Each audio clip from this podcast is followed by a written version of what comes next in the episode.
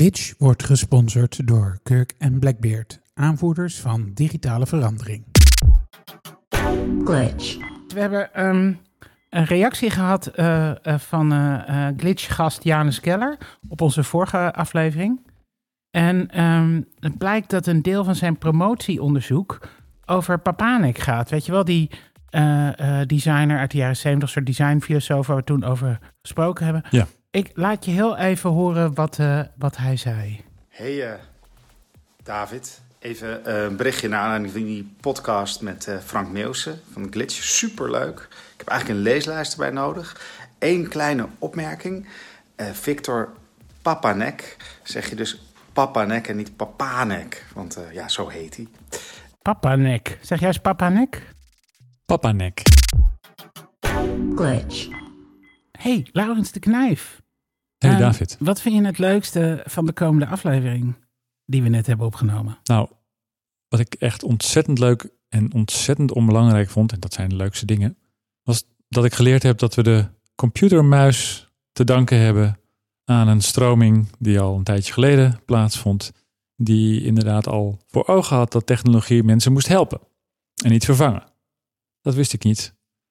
Ik twijfel er ook wel eens aan als ik mijn muis gebruik, dat nou zo geslaagd is geweest, maar dat het daar vandaan kwam, dat vind ik ontzettend leuk om te weten. Nutteloos, maar heel leuk. Hey, en eh, eh, jij, eh, Robert Wendt, eh, wat vond jij het leukste uit het gesprek dat we net met elkaar gevoerd hebben? Ik vond eigenlijk het leukste wat jij op een gegeven moment vertelde. Toen we het hadden over dat we steeds weer lijken te vallen voor eh, dat technologie alles gaat veranderen. Dat je zei dat eh, de manier waarop 5G nu verkocht wordt echt precies hetzelfde is als de manier waarop 4G verkocht werd. En je had er nog eens wat terug zitten kijken in hoe dat dan gebeurde. Dat vind ik echt een prachtig eh, verhaal wat ik zeker ga gebruiken in praatjes ook de komende tijd. Nou ik vind het heel leuk dat ik nu weet dat ik niet Papanek moet zeggen, maar Papanek. Papanek.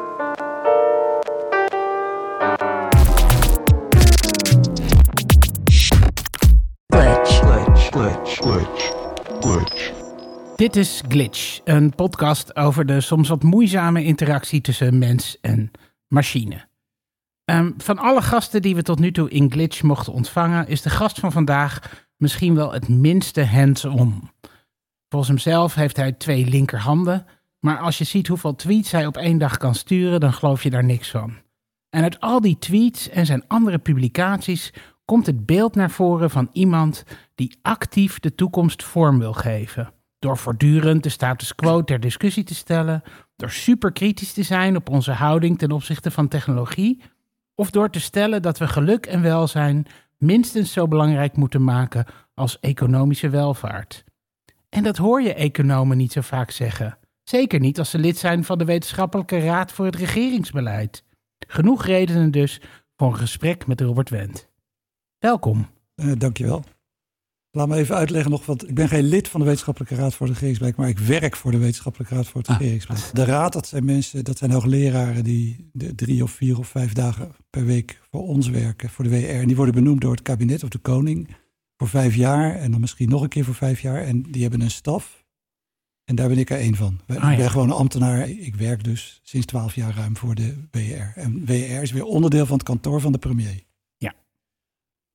Maar Robert, wij kennen jou eh, wel degelijk van een aantal hele interessante artikelen over technologie. Ja. En dan denk ik niet meteen aan een ambtenaar die voor de WRR werkt. En al helemaal niet van iemand die econoom is. Hoe is dat zo gekomen? Kan je daar wat meer over uitleggen? Kijk, die technologie, dat heeft voor mij eh, eh, begon dat eigenlijk al toen ik in de jaren negentig mijn proefschriften ging schrijven. En mijn eerste boek, dat ging over globalisering. En in dat boek staat ook een hoofdstuk. Komt globalisering door technologie? Want dat was het verhaal. Dat was wat ook toen beleidsmakers allemaal zeiden. Globalisering, ja, kunnen we ons niet tegen verzetten, want dat komt door technologie. Dus we hebben ons er maar aan aan te passen. Nou, dat, daar ging ik toen eigenlijk al tegen in van, nou, dat is natuurlijk niet zo. Technologie overkomt ons niet. Daar kun je invloed op uitoefenen. Nou, dat, dat lijntje, dat had ik, heb ik in mijn hoofd zitten, zeg maar. En ehm, we zijn in 2014 bij de WR een project begonnen over de toekomst van werk. Ja. Eh, omdat we twee grote dingen, twee grote trends zagen die de, de wereld van werk eh, aan het veranderen waren. Eén is de hele flexibilisering, ZZP'isering van, eh, van het werk, zeg maar. Daar hebben we een boek over gemaakt, maar veel relevanter in het kader van waar wij het nu over hebben, is eh, ook over, hebben we ook gekeken naar robots. En robots definiëren we breed. Alles eigenlijk wat ook... eh, Slimme technologie. Slimme technologie, artificial intelligence, alles wat ook mentale arbeid kan automatiseren, zeg maar. En hebben we eh, een boek gemaakt, De Robot de Baas. En de, de elevator pitch voor dat boek is eigenlijk in drie zinnen samen te vatten. Dus één, het gaat niet zo snel als vaak geclaimd wordt met die technologie. Het kan veel minder dan vaak gedacht wordt. Twee, het overkomt ons ook niet, of het hoeft ons niet te overkomen. We kunnen daar invloed op uitoefenen. En drie, we moeten er dus over nadenken wat we ermee willen. En toen hebben we een aantal voorstellen gedaan voor wat wij noemen een inclusieve robotagenda. Zo werkt dat bij het soort werk wat wij doen. Dus je doet een project en dat kan van alles zijn. Ik heb ook een rapport helpen maken over de toekomst van ontwikkelingshulp. Eh, over hoe ongelijk is Nederland. Eh, en ja, dan begin je aan, niet dat je per se er nou heel veel van weet, maar omdat ons werk toch is alles lezen wat ergens over bestaat, met veel deskundigen praten en dan daar een slim verhaal over proberen te maken, wat beleidsrelevant is, want dat hoort heel erg bij de WR. Ja, dan, sommige dingen die blijven gewoon en die hele technologie en alles daaromheen, dat is wel een van de leukere kanten, vind ik, van eh, dat toekomstwerkproject. Dus daar ben ik ook wel iets fanatieker eh, in geworden, denk ik, om dat een beetje te volgen dan, eh, dan normaal gesproken het geval zou zijn bij een project. Ben je een, ben je een van nature nieuwsgierig mens? Wil je weten hoe de wereld in elkaar zit? Ja, heel graag, ja. En heb je, ook, heb je dan ook iets met technologie? Of heb je, ben je juist eh, zelf zoiets van, nou, dat, dat- ik, eh, ik heb eh, geen mobiel en ik twitter niet. En ik weet er, ik, zelf ben ik er niet door gebiologeerd, maar alleen door de invloed die het op ons heeft. Be- Of- ik- nou, het, is vooral de invloed die het op ons heeft. Maar ik, en ik ben er ook niet door gebiolo- biologie, gebiologiseerd. Hoe noemen we dat? Gebiologeerd, pardon. Eh, maar ik, ik, dus nee, het is niet zo dat ik nou eh, alle nieuwe snufjes eh, steeds probeer te kopen. Maar ik kijk eigenlijk, maar dat is ook wel meer in de loop der jaren geworden. Probeer ik te kijken wat is functioneel voor, voor mij. Waar heb ik wat aan? Waar wil ik wat mee? En dan koop je een heleboel dingen niet en sommige doe je wel. Bijvoorbeeld, jullie hadden vorige uitzending Franco, die Ever, Mr. Evernote Ja, geweest is. Nou, Evernote, dat gebruik ik nog steeds. Ik weet niet of het uit de mode is, maar ik vind het geweldig. ja, ja. En voor- omdat het mij helpt voor wat ik doe, zeg maar. Je hebt ook, zou maar zeggen, de grote digitaliseringsgolf eh, zien ontstaan en zien komen. Heeft dat jou nog iets gebracht, persoonlijk? Heb je daar, eh, heb je daar iets aan overgehouden of eh, een interesse? Of maakte dat voor jou nieuwe dingen mogelijk? Ik kan dingen anders doen dan, en vaak sneller dan daarvoor. Een van de dingen die, die wij altijd zeggen, of die ik ook altijd al die prijs zeg over, gaan robots nou je werk overnemen? Eh, een van de, zeg ik soms wel eens die prijs, nou als je nou één ding wil onthouden, onthoud dan dit. Banen zijn bundels van taken. Dus Ja. niemand doet maar één ding. Iedereen doet een heleboel verschillende dingen. En de kans dat alles wat je doet door een robot wordt overgenomen, die is bijna nul. Stukjes wel, dus je zult zien dat bij iedereen een deel van zijn werk verandert. Zo werkt het bij mij ook. Dus ik, toen ik vroeger, voor ik bij de WR werkte, werkte ik bij de Algemene Rekenkamer. Ja.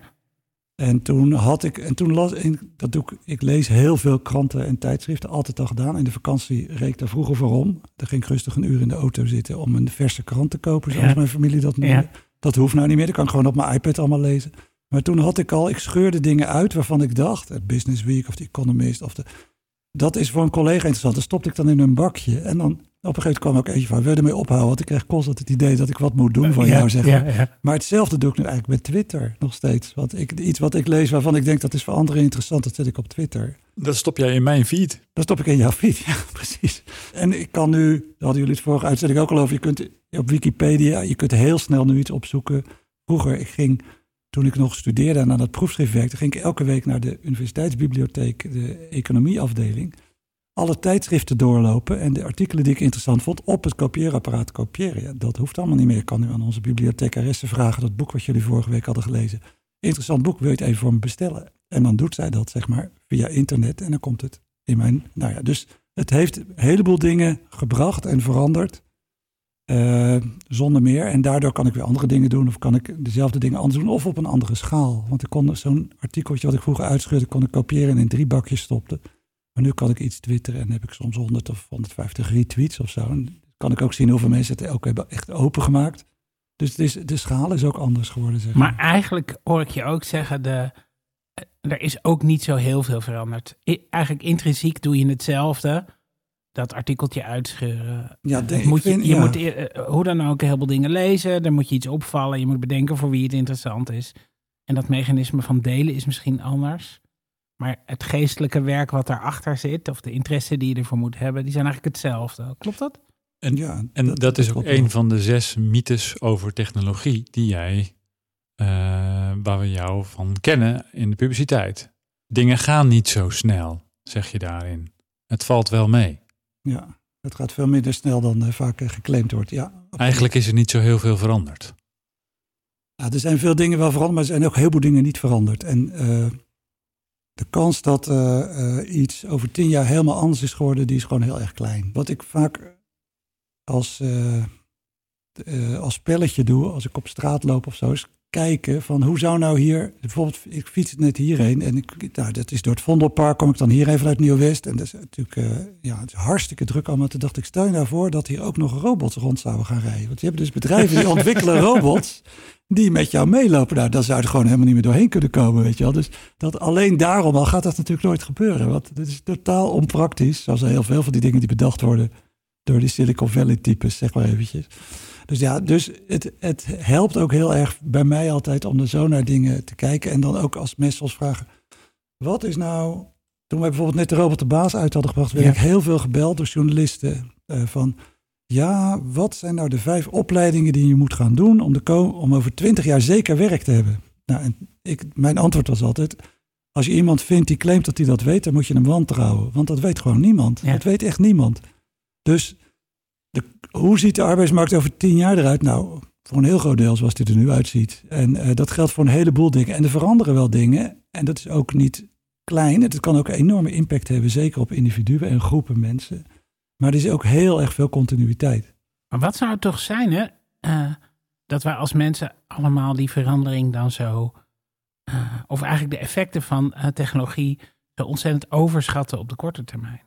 Want dat doen we allemaal. Vinden jullie dat ook? Want jullie zitten veel meer in, je zit een heel andere Ja, wereld. totaal. Ja. Ik word helemaal gek van al die hypes. En de, daar, daar, daar zijn we ook altijd heel eh, kritisch op. Maar dan, en dan is er weer iets, het nieuwe, of het nou eh, blockchain is, of het is eh, AI, of het is eh, de, de, eh, eh, dat alles smart en met elkaar verbonden moet zijn. Of nu zie je dat eh, 5G weer Ja. helemaal. eh, en eh, en de, de soort van magische, eenhoornachtige effecten die mensen eh, toeschrijven aan, aan zo'n nieuwe technologie, dat verbaast me altijd. Kijk, als je, als je terugkijkt in de tijd, we hebben natuurlijk eh, allemaal nieuwe dingen erbij gekregen. En ja, natuurlijk heeft de komst van eh, het straalvliegtuig de wereld echt wel veranderd. Maar de periode waarin dat gebeurde, duur, dat was ook heel, daar hebben we 70 jaar over gedaan of zo. En ik denk, dat kun je toch allemaal zien? Dat is gewoon achterom kijken. Ja. Waarom zou dat morgen opeens anders zijn? En waarom schrijven we het altijd aan één ding toe? 4G bracht ook helemaal niet eh, de verandering. Dat is mijn hobby. Ik kijk altijd heel graag eh, terug in, eh, in de marketingmaterialen van technologiebedrijven. En als je dan ziet dat letterlijk op precies dezelfde argumenten als dat nu, en waar nu 5G zo mee gepusht wordt. Dan is dat 4G-netwerk. zo? Ja, Ja. dat ging, oh, en, en dat ging allemaal veranderingen in de zorg brengen. En mensen zouden nooit meer eenzaam zijn, want we zouden voortdurend beeldverbindingen met iedereen. En dit is ook, dit is ook al sinds de jaren 60 zo. Hè? De dag dat iemand bedacht, hey, we kunnen zo'n twee-richting camera en een televisie doen. eh, eh, ook al was dat technisch nog niet op grote schaal mogelijk, is dit verhaal erbij verzonnen. En dat is nooit meer weggegaan. Ja, Tenminste, zo kijk ik er tegenaan. jij ook. Ja, en ehm, tegelijkertijd ehm, herken ik ook heel erg de, de, de soort van mythologie die daar wel bij hoort. De, de, de hoop dat we met technologie die wereld wel degelijk kunnen verbeteren. Dat inderdaad mensen nooit meer eenzaam zullen zijn. En dat er ooit eens een technologische eh, ontdekking zal komen waardoor we de wereld echt kunnen verbeteren. En daar heb ik, daar heb ik ook eh, heel vaak in geloofd. Dat mm, toen het internet opkwam, zag ik dat wel voor me. Dus, dus een van de, van de dingen die, die ik me ook afvraag is, ehm, ehm, is dat niet eh, het probleem van deze tijd nog steeds? Dat technologie een soort van geloof bijna is. En eh, dat, dat wij als, als nou ja, voormalige techno-utopisten dan elkaar vinden op conferenties waarin we aangemoedigd worden door mensen die roepen dat het nog harder gaat en dat het nog extremer is en dat je op de goede plek bent en dat je op de goede weg bent. En, terwijl dat het, het, het, het mythische ervan eigenlijk problematisch begint te worden. En hoe kunnen we het nou, ja, hoe kunnen we het nou wat gewoner maken? Ik vind wel een, een interessante vraag. Hoe komt het dat we er steeds weer voor vallen, zeg maar? En Ja. er zitten natuurlijk allerlei belangen achter, dat weten we ook allemaal. En, eh, maar ja, het is ook, het is ook eh, inderdaad, nou wat jij zegt, van je kunt terugkijken, je kunt het zien. Het is ook een gebrek aan historisch besef. Dus het is bijvoorbeeld een prachtig boek van James Besson, dat is een Amerikaanse econoom. Ja. Dat heet Learning by Doing. Dus hij werkt ook soms voor het Centraal Planbureau. En het boek Learning by Doing, nou, dat is een van de essentiële dingen over leren. Dus er wordt altijd gezegd, we moeten levenslang leren. Dan moet je niet terug naar school. Je leert het natuurlijk dingen door ze te doen. Ik Ja. heb mijn werk geleerd door het te doen. Niet door wat ik op de universiteit heb geleerd. Dat is een soort beginnetje. Dat boek, dat gaat, heel, dat gaat daarover. Maar het gaat ook erover hoe nou door de hele geschiedenis heen...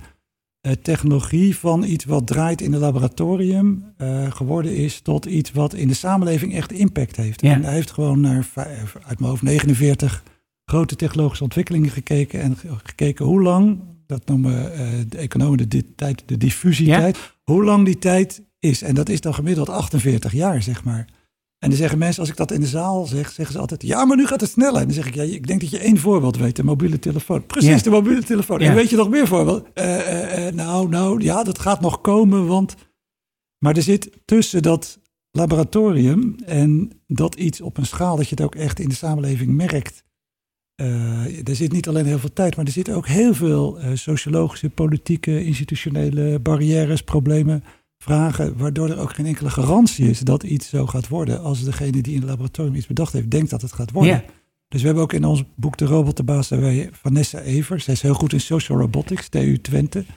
En zij zegt ook in ons boek, ja, dan zie ik op televisie een robot kan mensen opereren. Ik ben al blij als ik een robot 24 uur zonder storing in mijn laboratorium aan de gang heb weten te houden.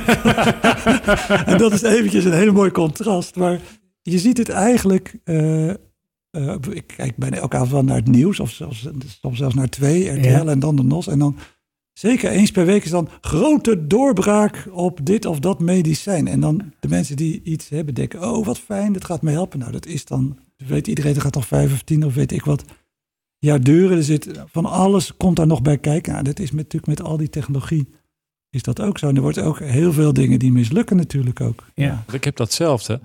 Ehm, je hoort op het journaal heel vaak grote doorbraak in eh, nieuwe bla bla bla technologie. En daarna is, blijft het stil. Ja, Eh, eh, er zou iemand moeten opstaan die dat gewoon allemaal eens even gaat uitzoeken. Ja, hoe is dat eigenlijk nu met die fantastische doorbraak? Ja. Ja, waarom horen we mooi daar zijn, over? Ja, Zoiets.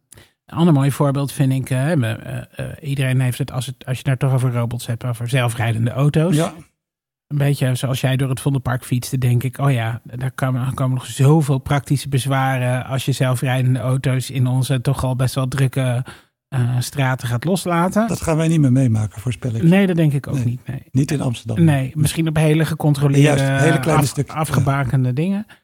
Ehm, maar eh, eh, de, de, hoe noem je dat? De sociologische aspecten. Dus bijvoorbeeld, eh, eh, je hebt eh, nu al heb je eh, dat je in Amerika zo'n Uber bijvoorbeeld deelt met mensen. Als je daar de, de bestuurder uit weghaalt, betekent het dat je met wildvreemden in een auto stapt.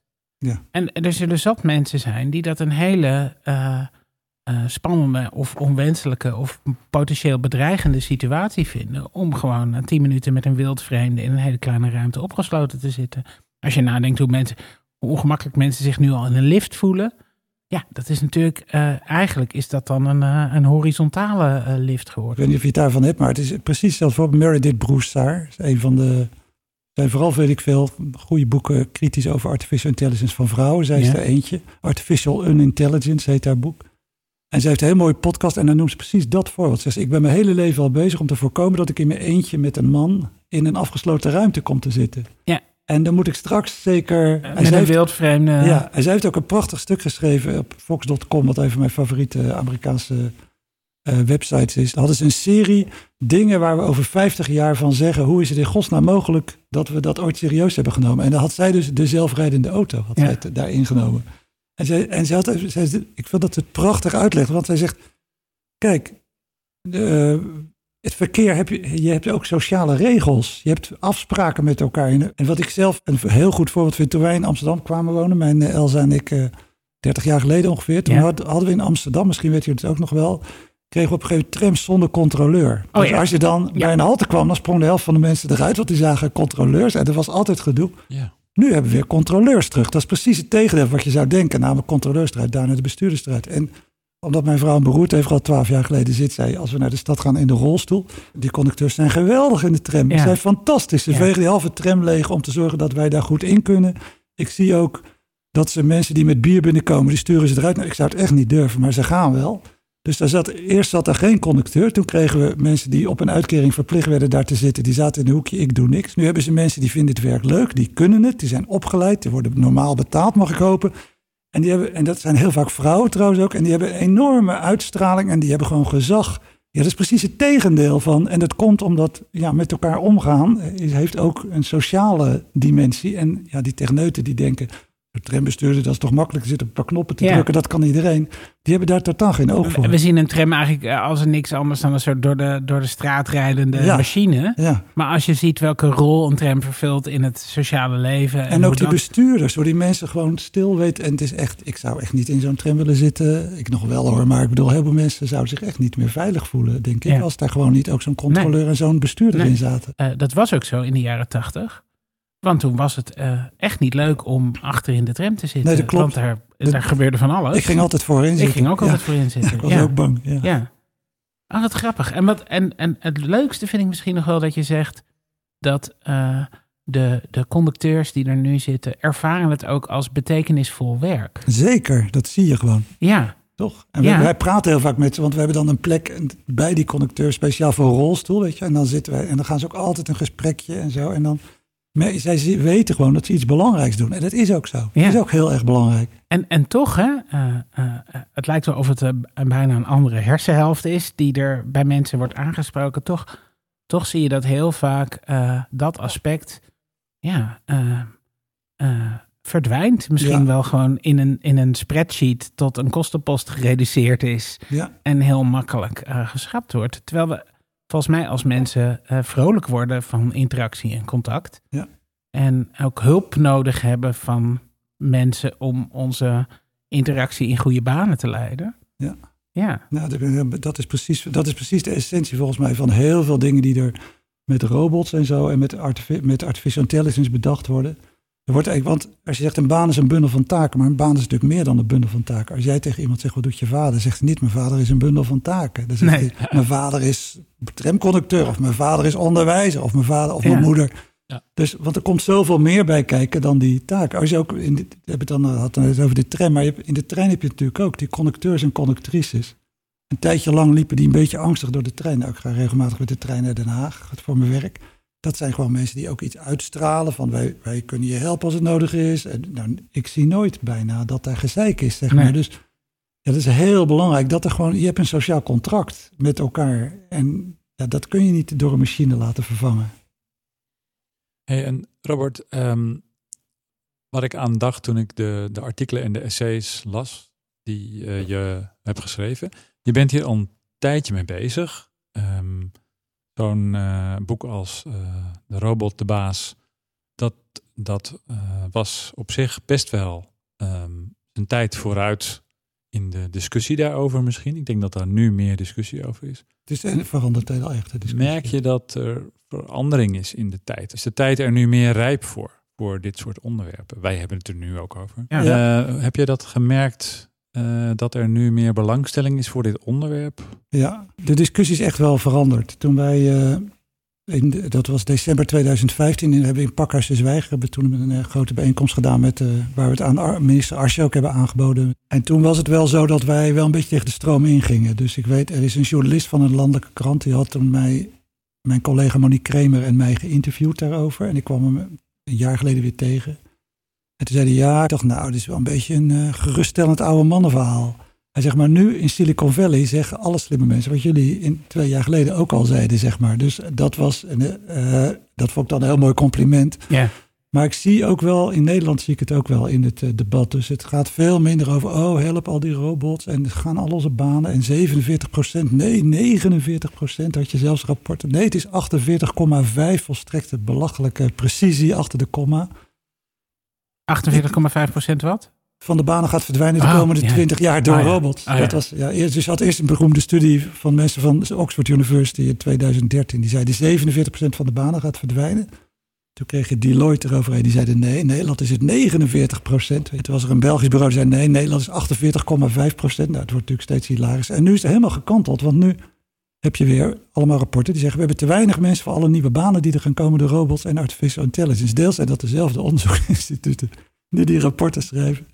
Het is bijvoorbeeld de World Economic Forum, waar altijd eh, al die, Ja. eh, die, die, die goeroes en ministers en eh, die rijke lui bij elkaar komen met een slecht geweten. Die gaan zeggen dat de wereld niet goed in elkaar zit en daar gaan ze gewoon weer door als ze naar huis zijn.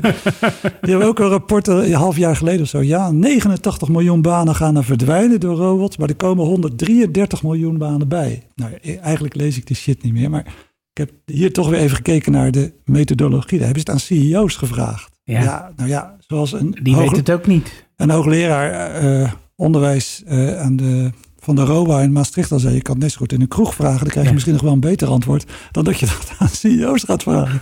En het is, volgens mij is dat ook gewoon waar. Dus het, en, maar dat, dat komt dan weer...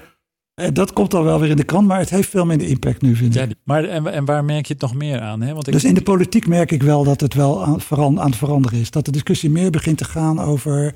En wat, wat willen we er nou eigenlijk mee met die, met die robots? Dat heeft ook wel een beetje te maken met waar de WR natuurlijk voor is. Wij moeten vooruitkijken. Ja. Dus als wij iets uitbrengen, gaat er natuurlijk geen, nie- geen minister gaat natuurlijk zeggen... Goh, interessant. Nee, we, we hebben het allemaal fout gedaan. We gaan het helemaal anders doen. Dat kun je mentaal ook niet van iemand verlangen of van een kabinet. Dus de incubatietijd, zeggen we wel eens onderling, van een rapport is ook altijd lang. Dus het duurt gewoon altijd even voor het begint neer te dalen. En Laat staan in beleid. eh, en laat in beleid. En dat is ook helemaal niet. Dat is zelfs ook wel goed, denk ik. Want als je gewoon bij elke scheet in een onderzoeksinstituut laat je beleid weer gaat veranderen, dat is ook niet erg degelijk. Dus dat het even tijd kost, mag wel wat sneller hoor van mij af en toe. Maar dat vind ik ook niet onlogisch. Maar ik zie hier wel een beetje. Ook dat bijvoorbeeld nu de Tweede Kamer eh, een, een eh, parlementair onderzoek gaat doen naar eh, of ze nog wel genoeg greep hebben op technologie en wat daarmee mee gebeurt. Onder voorzitter van Kees Verhoeven van Ja. D66 en heeft hij GroenLinks achter gekregen. Kun je zeggen, ja, wat laat of zo, maar dat vind ik niet zo erg zinvol om dat te zeggen. Laten we blij wezen dat het nu wel gaat gebeuren. En dat blijkbaar dus daar ook het idee is. Het is, het is van VVD tot GroenLinks die dat initiatief hebben genomen. Kamerbreed het idee is dat je als overheid daar ook een rol te spelen hebt. En dat gaat dan niet eh, over de ICT-projecten van de overheid Nee. zelf. Dat gaat echt over de rol die digitalisering en technologie speelt Ja. in onze maatschappij. En of er dus voor de overheid een regulerende taak is. Ja, en het gaat ook heel erg bijvoorbeeld over kunstmatige intelligentie. Dus Ja. de, de, ik ben zijn naam even kwijt, maar die meneer van de VVD die daar ook bij zit, bijvoorbeeld, die heeft daar ook een, een nota over geschreven. En in het Financieel Dagblad een stuk over geschreven waar die, vind ik, best behoorlijk ver gaat. Voor als je ziet van welke politieke partij hij is. Dus dat geeft wel aan voor mij dat er echt ook wel, echt wel diepe zorgen die er in de samenleving, voor mijn gevoel, best wel zitten bij mensen. Dat dat echt heel erg daar ook doorgedrongen is en dat ze daar wat mee willen. Ja. Ja, en aan de andere kant maak ik me ook af en toe wel enorm zorgen als ik Kamerleden hierover hoor praten en eh, politici. Dan denk ik, die weten nog niet genoeg hierover. En die moeten het beleid maken. Ja, nou ja, dat is, dat is waarschijnlijk heel vaak waar, ja. En dat heeft ook heel erg te maken met dat, de, vind ik in ieder geval, dat de staf van de Tweede Kamer, dat die heel erg klein is. Ja. Het hebben gewoon heel weinig mensen te beschikken. Als je ziet wat, als ik, als je af en toe, ik spreek wel als Kamerleden ook door mijn werk, maar je ziet wat die mensen allemaal niet moeten bijhouden. Nou, ik moet er echt geen seconde aan denken aan die baan. Het lijkt me verschrikkelijk. Om dat, om dat te moeten doen, zeg maar. Maar ik las ook in, in een van je essays iets heel interessants. Hè, dat je eigenlijk constateert dat de mens en de machine gescheiden werelden zijn, ook binnen de overheid. Dat Ja. vond ik heel interessant. Hè? Dus dat, ehm, dat het, het een wordt gedaan door departement eh, X en het ander door ministerie Y. Terwijl dat Hoe eh, zit dat dan? één ding zou moeten zijn. Twee dingen. Wat ik zie, wat ik heb heel veel heb gemerkt in praatjes die ik heb gedaan over de robot de baas. Eh, ik heb heel vaak zitten in de zaal mensen die eh, van eh, Human Resource Management zijn. Maar ik heb ook zalen gedaan met mensen die allemaal daar werken. En dan krijg ik heel vaak achteraf of in de discussie dat mensen zeggen...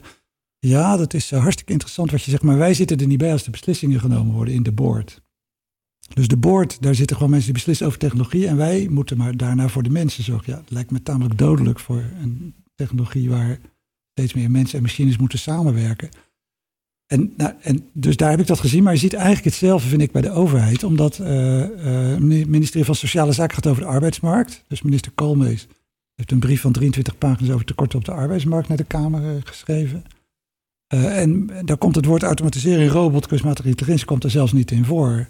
Dat is eigenlijk meer innovatie en dat is technologie. En dat is de afdeling economische Ja. zaken. En er zit Ja. die, en die wereld, terwijl er zijn wel plekken ook in het land waar dat wel een beetje bij elkaar komt. Je hebt bijvoorbeeld CEDRIS, dat is die koepel van eh, sociale werkplaatsen.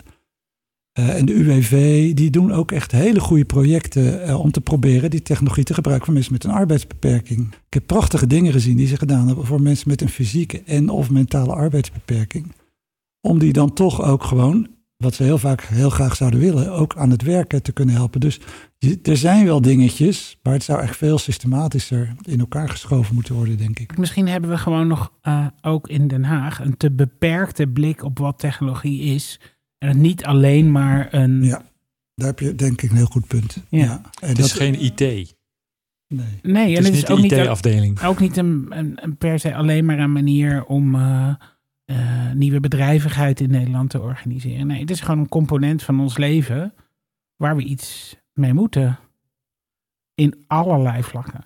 Amsterdam heeft nu een, eh, een CTO, dat is eh, Ger Baron. Ja. Ook, ook een goede twitteraar. Zeker. Is een, in Nederland eigenlijk al toe aan een minister of een staatssecretaris voor digitaliseringszaken?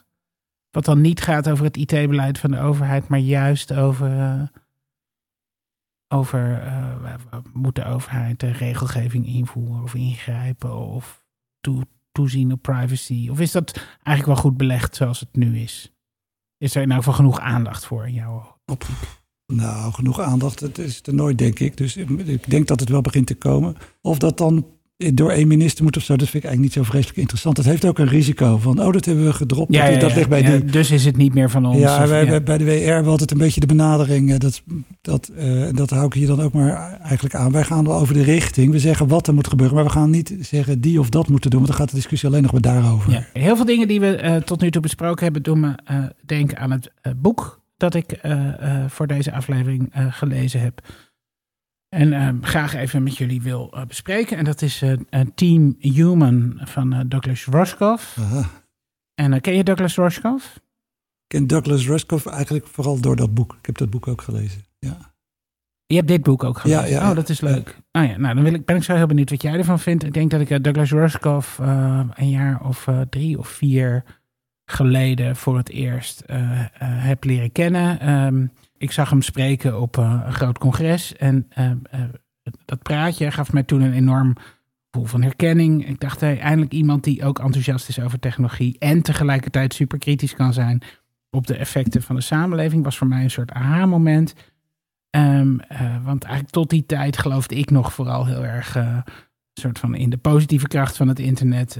We- we, hadden de- eh, Chris Anderson's boek eh, The Long Tail. eh, de gedachte dat eh, eh, de, de- ehm, de- doordat de distributie via het internet zoveel makkelijker was geworden, opeens eh, allerhande creatieve types eh, opeens hun werk zomaar overal zouden kunnen publiceren. En iedereen en zou daar geld mee kunnen verdienen. En- Niches, hè? De Och, niches zouden de grote nieuwe... Samen zou dat een nieuwe massa worden. Ja, en wat, wat eh Rushkoff in, eh, in dat praatje zei, is eh, ja, eigenlijk gebeurt het omgekeerde. Eigenlijk zie je dat de hele online wereld geneigd is om juist alles naar het bekende te sturen. Hè? Dus vroeger, zegt hij, was de verdeling eh, 80-20. 80% van de aandacht ging naar 20% van de artiesten. Hè? Dus, maar, maar er was daarnaast nog altijd 20% aandacht over voor wat verdeeld werd nou, hij zegt dat is nu eh, veranderd. Nu is 94% van de aandacht gaat naar de meest bekende artiesten. Dus dat is, dus eigenlijk heeft het internet een concentrerende werking. De winner takes all benadering. De winner takes all benadering. eh, eh, en hoe komt dat? Nou, dat komt ook omdat we al die recommendation engines gebruiken om mensen meer van hetzelfde te voeren in plaats van te stimuleren om allemaal nieuwe dingen te ontdekken. Nou, dat vond ik toen een eye-opener. Heb ik eh, een ander boek van hem gelezen, Throwing Rocks at the Google Bus, waarbij hij eh, eh, niet alleen het over dit effect heeft, maar eigenlijk zegt, en die bedrijven waarbij die macht zich dan zo concentreert en dat geld zich con- concentreert, en die zit in San Francisco en dat zet hij dan af tegen hoe mensen daar op straat moeten leven en hoe groot de verschillen tussen arm en rijk zijn en hoe, hoe, hoe, hoe eigenlijk die groter worden aan de hand van dat Google dus wel goed zorgt voor zijn eigen werknemers door daar aparte bussen eh, van, eh, van San Francisco naar Mountain View eh, te laten rijden, maar eigenlijk dus niet bijdraagt aan de samenleving als geheel omdat ze niet bijdragen aan de collectieve voorzieningen. Ze zouden ook het OV in zijn geheel kunnen verbeteren. Zou je kunnen zeggen, ja, steek daar geld in, dan heeft iedereen er profijt van. Maar nee, daar ageert hij tegen. Dat, heel erg leuk boek, kan ik iedereen aanraden. Dus je kunt je wel voorstellen dat ik, eh, toen hij een nieuw boek eh, uit ging brengen, daar is hij lang aan bezig geweest. eh, heeft ook een podcast gestart. Een Heel veel afleveringen in die serie- podcast. Ja, een hele Er serie. zitten een eh, aantal zeer interessante bij, maar ik zou je niet kunnen vertellen welke Ja. de, ook alweer de goede waren. En dus ehm, keek enorm uit naar het boek. Ehm, zeker Team Human. Hè? Dus we zijn allemaal lid van Team Human, want we zijn mensen. en eigenlijk is met de titel ook gelijk de, de, de pointe van het boek helemaal weggegeven. Want dat is wat hij wil zeggen. En dat zegt hij in honderd soort van eh, bijna blogpostachtige mini-essays. Ehm, en het is eh, leuk om te lezen, maar aan de andere kant eh, liet het mij ook met een, een beetje verward gevoel achter. En ik dacht, de beste manier om dat met jullie te delen is door een stukje voor te lezen. Mag ik een stukje voorlezen? Vinden jullie dat goed? Ja. The European Union was a product of the television environment. Open trade, one currency, free, free flow of people across boundaries, and the reduction of national identities to cuisine and soccer teams. The transition to a digital media environment is making people less tolerant of this dissolution of boundaries. Am I Croatian or Serbian, Kurd or Sunni, Greek or European? The yearning for boundaries emerges from a digital media environment that emphasizes distinction. Everything is discrete. Analog media such as radio and television was continuous, like the sound on a vinyl record. Digital media, by contrast, are made up of many discrete samples. Likewise, digital networks break up our messages into tiny packets and reassemble them on the other end. Computer programs all boil down to a series of ones and zeros on or off. This logic trickles up to the platforms and apps we use. Everything is a choice, from font size to the place on a Snap 2 grid. It's either 12 point or 13 point, positioned here or there. Did you send the mail or not? There are no in betweens. Resistance is futile. Futile. The word resistance itself is a relic of the electronic age, where a resistor on a circuit board could attenuate the current passing through it. There is no resistance in a digital environment, only on or off. Nou ja, je merkt al dat hij heeft een gedachte.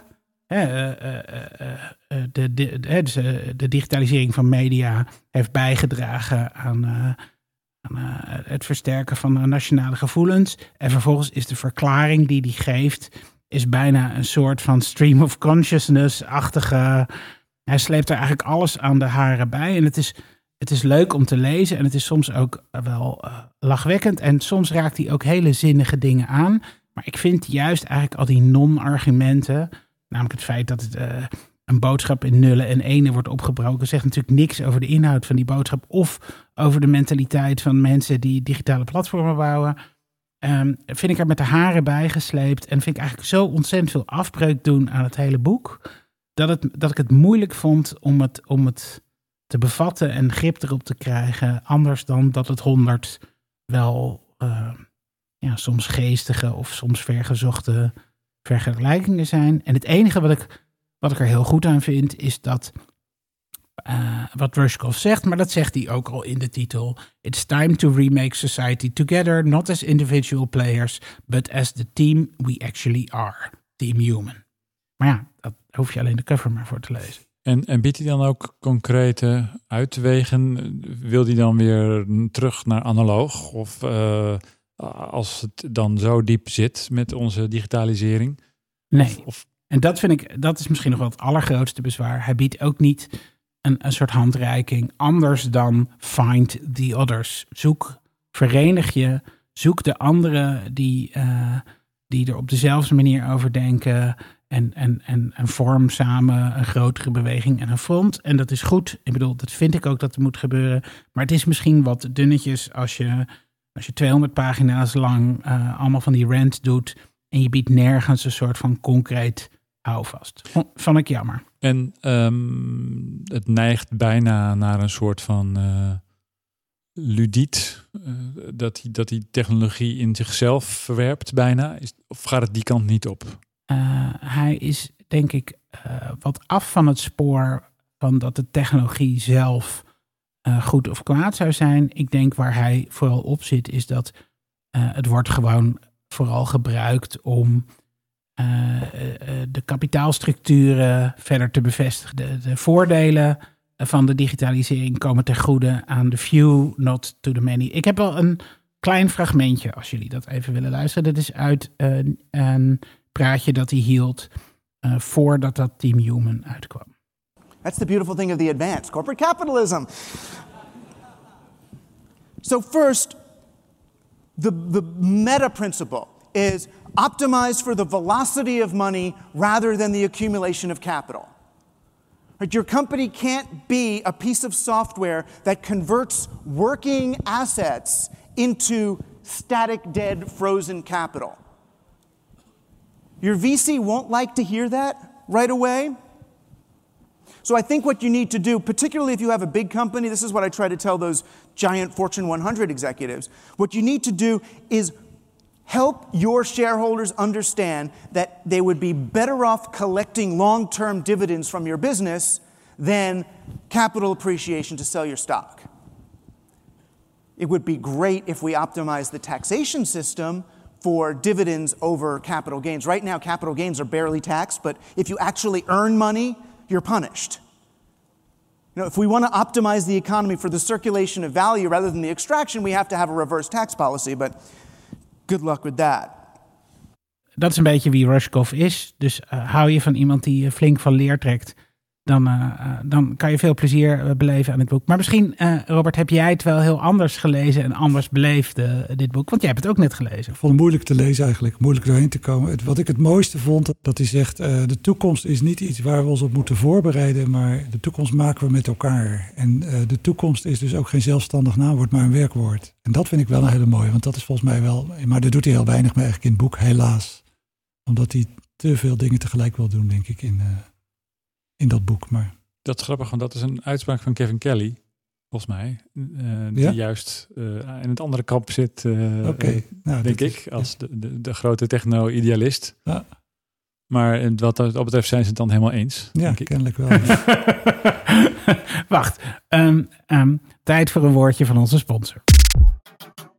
glitch, Deze aflevering van Glitch wordt mogelijk gemaakt door Kirk en Blackbeard, kapiteins in digitale transformatie.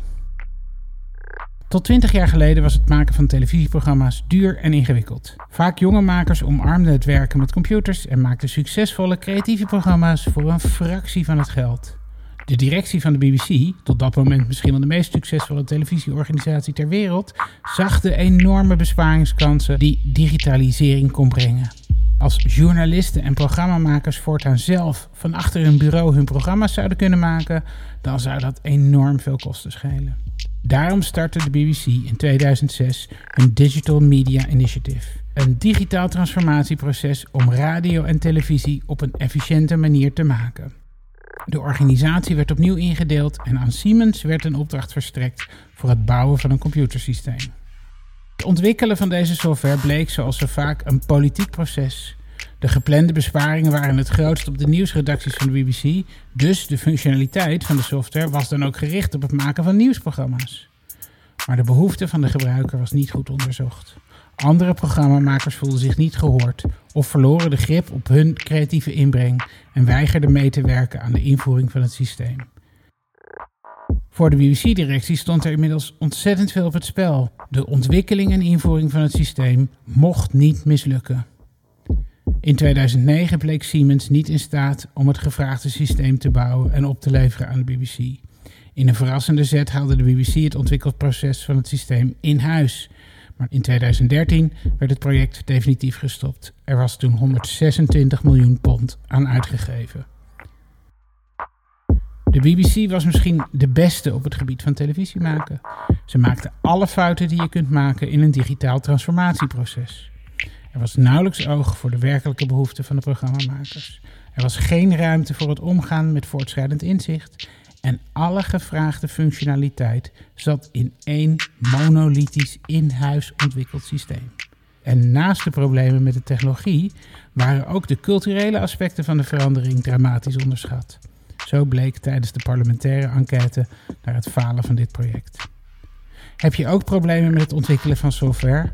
Wil je graag beter aansluiten bij de behoeften van je klanten, maar een parlementair onderzoek voorkomen? Kirk Blackbeard helpt met advies, tijdelijk leiderschap of coaching van interne teams. Kijk op kirkandblackbeard.com. Glitch. Oké, nou hebben we het, uh, uh, naar de toekomst gekeken en we weten dat de robots niet morgen uh, Nederland over gaan nemen. En ook dat we met elkaar samen die toekomst moeten maken. Maar hoe moeten we dat dan doen? dus hoe, hoe kunnen nou, hoe kunnen nou de, de designers, de developers, de mensen die de mensen die werken in bedrijven, de mensen die ook mee willen werken aan, aan een toekomst die niet door robots wordt gedomineerd. Wat kunnen die nou morgen doen om daaraan bij te dragen in jouw optiek? Ja, nou, dus, dus je vraagt eigenlijk natuurlijk veel te veel. Want Tuurlijk. Moet je, als je dat, uh, Laten we ergens beginnen. Ja, nee, oké. Okay. Nou, wat we in de robot de basis eigenlijk ook zeggen, zijn een aantal uitgangspunten die je zou moeten hanteren. Technologie overkomt ons niet. Als, als jij bij een bank werkt en je wordt ontslagen door automatisering, dan overkomt het natuurlijk wel. Maar als samenleving hoeft het ons niet te, te overkomen. En wat wij eigenlijk meer aan doen zijn, ook in het uh, rapport, is dat we zeggen, ga niet op de regering zitten wachten of op het parlement. Je kunt het zelf ook wel doen. Dus bijvoorbeeld uh, techneuten noem ik zo eventjes. Uh, wat ik zelf fantastisch vind om te zien, dat is dat je op dit moment in Silicon Valley al die techworkers krijgt die zich beginnen te organiseren. Dus bij Google, waar je een walkout hebben georganiseerd. er zijn hele leuke dingen waar Google en Facebook techworkers samen ook bij elkaar komen en zeggen: wij willen erover meebeslissen of wij bepaalde projecten wel of niet doen. Want wij zijn hier gaan werken omdat we iets goeds willen doen voor de wereld. En wij willen dus niet uh, meewerken aan een systeem voor Trump om uh, vreemdelingen uh, of Mexicanen buiten de deur te houden. Dus wij, nou ja, dat, dat vind ik een heel erg goed. Want ja, als die mensen voor een deel zich ook actiever hiermee gaan bemoeien, is dat denk ik heel erg belangrijk. Omdat er, was ook een prachtig artikel New York Times waar iemand zei ja, vroeger als je bij Facebook werkt, was je moeder trots op je en dat is nu aan het veranderen. En dat, en dat betekent ook, dat er soort geluiden zijn er ook, dat ze moeite schijnen te krijgen om mensen naar zich toe te halen. Want dan is het iets wat niet meer heel erg sexy is om daar te willen werken. Dus, dus je hebt bijvoorbeeld een prachtig netwerk Responsible Robotics. En dat zijn allemaal mensen die in de robotindustrie en ontwikkeling zitten. Die zeggen wij willen alleen maar robots ontwikkelen die goed zijn voor mensen en niet robots die mensen vervangen.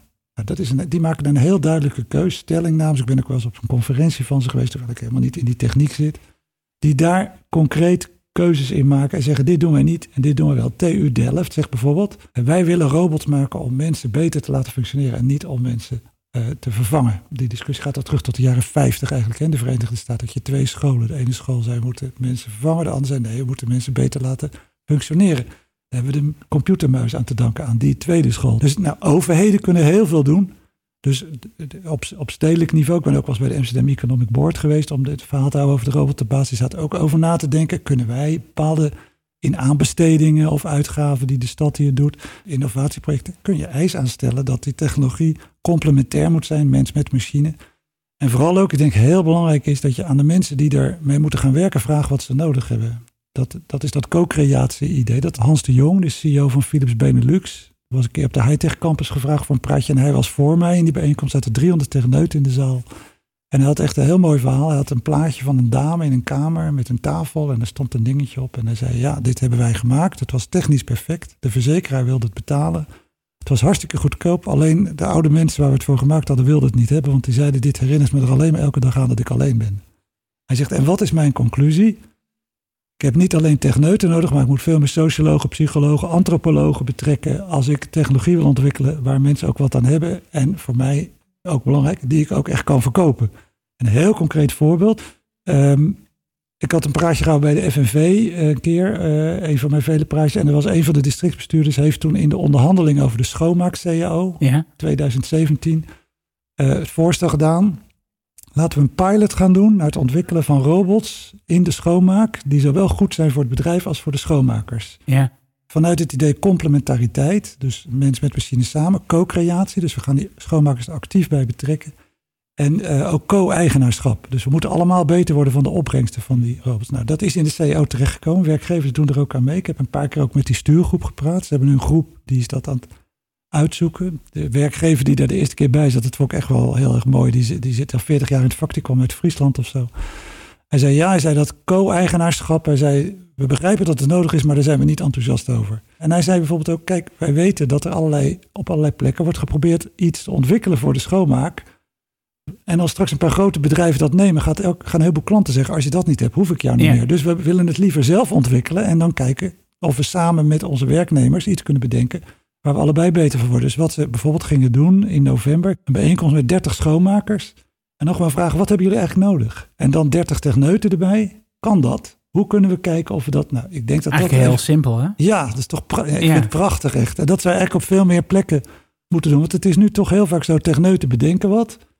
En de mensen die ermee moeten... Ik heb zoveel verhalen gehoord op conferenties over robots... die met een laagje stof ergens in een magazijn staan... omdat ze voor heel veel geld zijn gekocht... maar toch niet bleken goed te voldoen Ja, of zo. Dat kun je al... Daar weten jullie misschien veel meer voorbeelden van dan ik... maar daar kun je waarschijnlijk voor een groot deel voorkomen... als je gewoon samen met de mensen die ermee moeten gaan werken gaat kijken...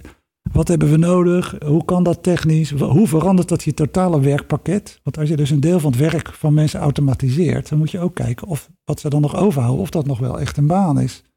Ik heb een verhaal gehoord een keer, toen waren we met de WR bij de Franse WR op bezoek over kunstmatige intelligentie. En te praten hadden zij de Nationaal Coördinator Kunstmatige Intelligentie van Frankrijk ook daarbij zitten. Frankrijk loopt wel een beetje voorop eigenlijk eh, in Europa. En hij zei, we hebben een heel mooi voorbeeld van een eh, fabriek of een bedrijf waar ze eh, afvalscheiding doen. Ja. En dat vroeger, er zaten mannen aan de lopende band, vooral mannen die dat deden. Dat is nu deels, gebeurt dat nu met eh, algoritme. Dat het, en die mannen zitten nu langs de kant met een iPad, met een tablet, om dat proces te sturen en de probleemgevallen op te lossen. Hij zei, maar wat hebben we nu ontdekt? Na twintig minuten zijn ze doodmoe. Want dat Ja. is cognitief heel, Heel- ander soort werk. Dus dat is, dan moet je heel goed gaan nadenken hoe je die baan dan structureert en organiseert, zodat die mensen dat kunnen, kunnen blijven doen. Want ze zijn nog wel steeds eigenlijk de experts. Want Ja. zij kunnen nog steeds heel snel zien als iets vastloopt of misgaat. Dus je wil ze, je wil ze erin houden. Maar je kan dus niet zeggen, oké, vanaf nu heb je nog maar een schermpje. Wij, wij kunnen dus een halve dag achter een scherm zitten. Maar voor een heleboel mensen is dat cognitief Belastend. enorm Ja. belastend, Ja. zeg maar. Dus je moet ook gaan redesignen. Je kunt niet zeggen, stop ergens een algoritme in of douw ergens een cobot in en de rest blijft hetzelfde. Je moet dan ook het hele werk eromheen, moet je deels opnieuw gaan organiseren. En Dus dus nou, niet alleen maar met techneuten daar Zeker niet. de slag gaan. Dat is eigenlijk de bottom line. eigenlijk hou jij hier gewoon een vurig pleidooi voor eh, dat je eh, dat soort nieuwe technologie moet bedenken in multidisciplinaire teams. Dat je mensen met verschillende inzichten en achtergronden bij elkaar moet zetten. En de echte experts erbij moet betrekken. De mensen die het werk ermee moeten gaan doen. Ja. Dat je, daar wordt veel te weinig mee gepraat met Ja. echte experts. ja. En technologie niet als startpunt nemen, maar het oplossen van problemen voor mensen. Ja, dat lijkt me precies het uitgangspunt. En misschien komen we dan wel uit op het punt waar we in het begin zeiden dat technologie niet meer een geloof is, maar een utility. Ja. Iets wat we kunnen gebruiken, wat er is. Ja. En wat niet de, waar we niet een soort van mythische betekenis aan hechten. Technologie als utility. Dus we, we, we laten de kerk van de technologie achter ons. En we zien het gewoon als iets wat er ook is. In, dat vind ik wel een mooie gedachte. Als een, als een nutsbedrijf. Als een hulpmiddel. Ja. Nou, dat vind ik eigenlijk, dat vind ik eigenlijk op zich al iets heel eh, eh, positiefs. Eh, dus dat is eh, eh, misschien een goed moment om, eh, om naar, het, naar, het, naar het positieve nieuws te gaan. We, we- we hebben jullie weer gevraagd om eh, na te denken over iets super positiefs wat je in de afgelopen dagen is overkomen of is opgevallen. Of eh, iets waar je gewoon heel vrolijk eh, van wordt. Laurens, mag ik bij jou beginnen? En Wat, is jou, wat, wat voor positiefs heb jij meegemaakt? Ja, ik heb ehm, het heel dicht bij huis iets meegemaakt wat ik heel positief vond. Eh, het gaat over wormenhotels en boomparkjes. Ehm, bij mij om de hoek eh, was een, is een wormenhotel geopend. Een heel raar, soort van torenvormig ding waar je je biologisch afval in kunt gooien. En wormen verteren dat dan volgens tot compost. En die compost kan je dan weer op je tuin gooien. Nou, en zijn, Kan je die er eigenlijk... We hebben er ook een in de straat gekregen, maar ik heb nog een... Er kwam niet een gebruiksaanwijzing bij.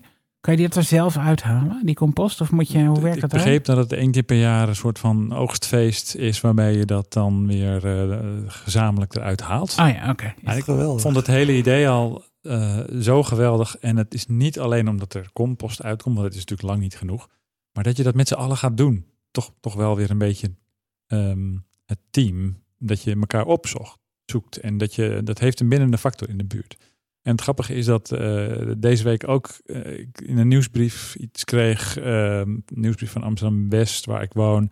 Over boomparkjes. Dat je nu subsidie kunt aanvragen om boomparkjes aan te leggen. Dus om de, in, de, in de spiegel van een boom kan je je eigen stukje groen aanleggen. Nou, dat, dat hebben wij gedaan in onze straat al, een paar jaar geleden. En eh, dat is nu beleid geworden. En dat vond ik ook weer zo ontzettend leuk. Dat, eh, dat eigenlijk dat niet begint bij de overheid. Maar dat die dat vervolgens stimuleert. Maar dat, dat we dat wel zelf als, als individuen kunnen bedenken. Eh, en vervolgens op een bredere schaal mogelijk wordt gemaakt door de overheid. Maar dat, we, we hadden dat gewoon zelf bedacht. Eh, en dan moest je er een bordje in prikken dat de gemeentereiniging het niet ging, eh, weer ging weghalen. Want dat deden ze dan in het begin. Dus op een gegeven moment werd er getolereerd dat we er een bordje in prikten. Eh, eigen beheer stond daarop. En, en, maar nu is het beleid. En dat vind ik zo positief, zo Ja. leuk. Ja, Ja, hartstikke leuk. hartstikke leuk. Eh, eh, Robert, heb jij ook iets eh, positiefs voor ons meegenomen? Ja, dat is wel een totaal andere orde, maar dat mag wel, hè? Tuurlijk. Het is iets, nou, ik kan het eigenlijk koppelen aan eh, dat wat je net voorlas eh, over eh, Van de Ruskov. Ja, Die had het over resistance is futile, futile en had het over platforms. En wat ik en, een van de mooie dingen vind, dat vind ik eigenlijk wel een soort, ja, een soort historische, je kunt historische vergelijking maken denk ik, met de industriële revolutie van eind van de vorige, eeuw- eind van de 18e, of nee, eind van de 19e, begin Ja. van de 20e eeuw, zeg Ja. maar. Je, je, krijgt, je krijgt eerst eh, je krijgt een, nieuwe technologie. Die gaat, wordt, krijg je eerst een soort wild west. Eh, weet je, dus krijg je, eh, oh jeetje, de kinderen verliezen hun vingers in die, in die spinning wheels. En ja, dan ja. krijg je dat daar verzet tegen komt. Dan krijg je dat er vakbonden beginnen te ontstaan. Dat de sociale regulering geëist wordt. En tot op zekere hoogte heb je dat nu weer. Is dat nu weer aan de gang. Bij de gig economy, de klus-economie. En wat ik, deze, wat ik deze week las is dat California, wat heel vaak voorop loopt met dingen, bijvoorbeeld met milieubeleid ook, dat die nu een all-out eh, eh, aanval hebben ingezet op eh, de uitbuiting van de mensen, van de gig economy, zeg maar. En dat die dus nu een aantal maatregelen aan het nemen zijn, waardoor gewoon mensen als gewoon werknemers rechten krijgen, zeg maar. En niet meer eh, eigenlijk volstrekt rechteloos. En eh, eh, zoals de mensen die voor Uber rijden en zo, die ook nooit meer een, die eigenlijk een algoritme ook als baas hebben en zo. En dat die dat aan het reguleren zijn. En een paar jaar geleden werd nog gezegd: ah, dat moet je niet doen, want dat is slecht voor de innovatie. Ja. En B, dat kan ook helemaal niet, want overheden kunnen niks meer wat die grote bedrijven. Ja. Het, is gewoon, het blijkt gewoon helemaal niet waar te zijn. New York heeft ook al gezegd: wij laten nog maar zoveel, ik geloof 80.000 Uber-chauffeurs toe. Wat hadden ze heel veel nog best zelfmoorden. veel. Maar, eh, Vind ik ja. ook nog best veel. Maar ze hadden allerlei zelfmoorden daarvan Ja. voormalen van andere taxichauffeurs. Ook ze moeten minimaal het minimumloon verdienen. Eh, ze moeten verzekerd zijn. Nou, en in Nederland had je vorige week een aankondiging dat een aantal van die fietscourierbedrijven, dat die nu afspraken hebben gemaakt dat de fietsen beter moeten worden van kwaliteit. Dat de mensen per uur worden betaald voortaan en niet meer per eh, klus. Stuk. Omdat er te veel Ja. ongelukken gebeuren. En dat ze verkeersles krijgen. En dat ze ook verzekerd worden, zeg maar. Nou, het zijn allemaal kleine stapjes waar dat eindigt. Weet niemand. Maar het idee dat je er niks aan kan doen. Of dat je er niks aan moet doen. Blijkt gewoon helemaal niet te kloppen. Vind Dus ik ook denk- super positief. Ja. Heel leuk. En David, wat is jouw positieve nieuws dan? Nou, ehm, eh, ik had eigenlijk eh, eh, misschien een, een, een tip. En het is ook overal in het nieuws geweest. Maar ik heb de serie Chernobyl gezien. Wat helemaal niet positief is. Want het gaat natuurlijk. het is een dramatisering van alles wat er gebeurde rondom de kernramp in Chernobyl. Nou, ik weet me dat nog enorm goed te herinneren uit mijn jeugd. Ook dat het gebeurd was. Dat we opeens overal in West-Europa radioactiviteit aan het meten waren. Dat we niet precies wisten hoe erg het was. En dan- is natuurlijk ook, is natuurlijk ook zo'n golf van nostalgie. Dus ik vind het ook leuk om eh, daarin eh, terug te gaan naar zo'n ervaring uit mijn jeugd. Maar wat ik heel positief eh, vind, is niet zozeer dat die serie gemaakt is. Dat gaf me allemaal inzichten over dat Willeke elke vorm van technologie gevaarlijk kan zijn. Dat het dus ook heel erg gaat over wat heb je daar voor soort controlemechanismen omheen. Of wat is het apparaat, het bestuursapparaat waar dat soort technologie in landt. Hè? Dus het gaat echt niet alleen over wat de, de, de impliciete veiligheid of uh, niet-veiligheid is van technologie. Um, maar wat ik, wat ik heel positief vond, is ik heb ook de uh, begeleidende podcast geluisterd. En als je dan luistert met de toewijding en de aandacht en de, het streven naar authenticiteit en nauwkeurigheid en de realiteit benaderen, waarmee de maker van die serie, de schrijver van die serie dat gedaan heeft. Ik, was, ik had echt zo'n respect voor de hoeveelheid uh, tijd en energie. Daar werd ik gewoon heel vrolijk van. Dus die serie zelf, ja, dat, dat, moet je ook zien. Dat kan ik iedereen aanraden. Uh, uh, die is ook heel erg beklemmend. En wat oh ja, ga ik nog één ding wat ik er heel mooi aan vond, is dat je ziet eigenlijk de opofferingsgezindheid van het Russische volk. Hè? Want er zijn dus honderdduizenden mensen zijn er als biorobots ingezet om werk te doen wat de machines niet konden. Hè? Vleesrobots. Dus vleesrobots, ja. ja. Mensen konden wat is het, ik geloof 90 seconden of zo konden ze die straling weerstaan. Dan hadden ze de maximale dosis voor de rest van hun leven te pakken.